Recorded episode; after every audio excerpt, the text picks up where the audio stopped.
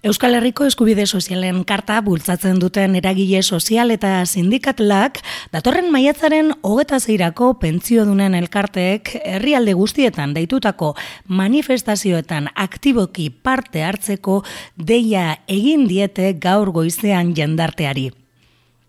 Pentsio sistema publiko baten aldeko pentsio dunen borroka, mila eta larogei euroko gutxieneko pentsio bermatua, bizitzaren kostearen araberako pentsioen berbalorizazioa, emakume eta gizonen arteko pentsio arrakalekin bukatzea, eta pobrezia eta prekarietatea eraginduen lan eta pentsio reformen derrogazioa kartan jasotako eskubideak dira eta euskal erakundei lehen bailen bermatuak izan daitezela esigitzen diete.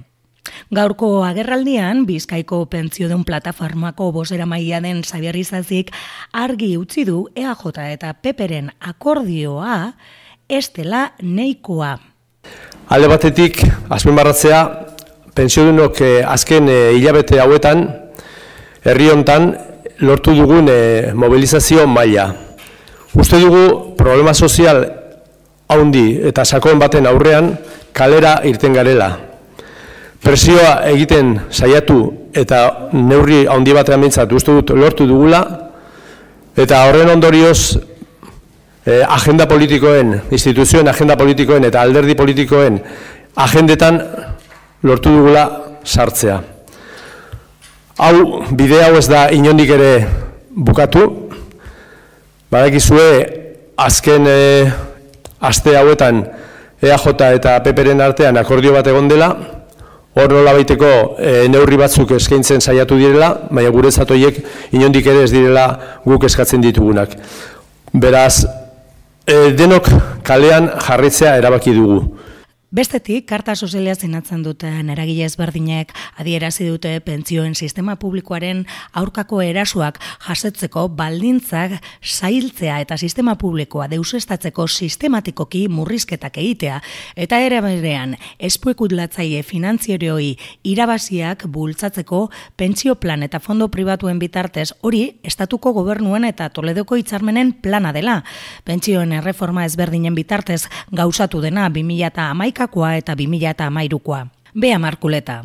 Euskal Herriko Eskubide Sozialen eh, kartan agertzen den bezala mm, kalitatezko pentsio duina aldarrikatzen dugu gure jendartearentzat.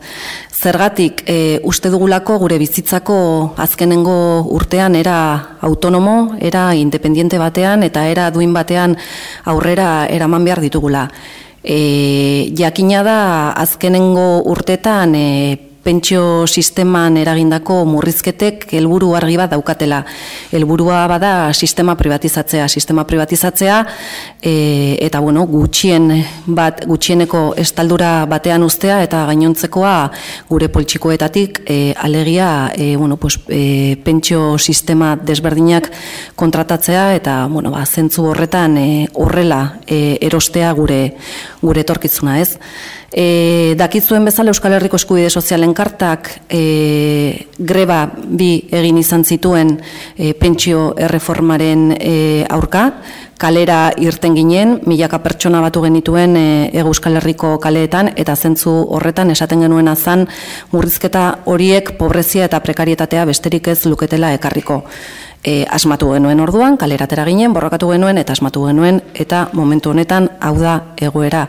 Pentsuak gero eta bajuagoak dira eta pentso bat eskuratzerako orduan baldintzak gero eta gogorragoak dira. Zentzu horretan gainera pentsionistek Euskal Herriko pentsionistaen plataforma gurekide diren plataforma horiek egiten dituzten aldarrikapenekin bat egiten dugu alegia sistema publiko baten beharra hitz egiten dugu.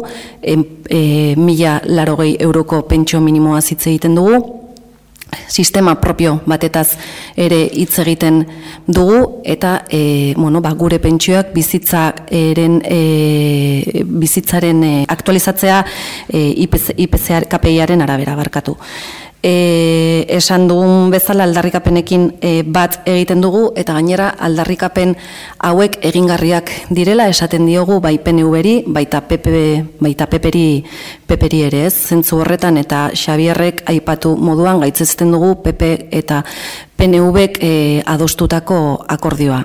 Kartan esaten dugun bezala bestelako sistema e, bat posible da, alternatiba badaude, borondate politikoa besterik ez da behar horretarako, eta zentzu horretan gainera, irudira mai gainean jartzen ditugunak. Alde batetik soldata duinak nahi ditugu, bigarrenik enplegu duina nahi dugu, horrek guztiak gero gure etorkizuneko pentsuetan e, ondorioak ekartzen dituelako, eta hirugarrenik e, sistema fiskal e, progresibo bat nahi dugu. Zeinak, bueno, pues, e, e, lehenik eta behin, Europako presio fiskalera Nafarroan baita EAN ere Europako e, presio fiskalera e, presio fiskalera berdindu, berdinduko duen, bigarrenik iruzur e, fiskalaren e, kontra e, gogorki jardungo duen, eta e, irugarrenik e, bueno, pues, e, era progresibo e, batean e, e, dituen e, e, bueno, pues, sistemaren zerga desberdinak. Arrazoi guzti hauen gaitik eta galtzen den borroka bakarra egiten ez dena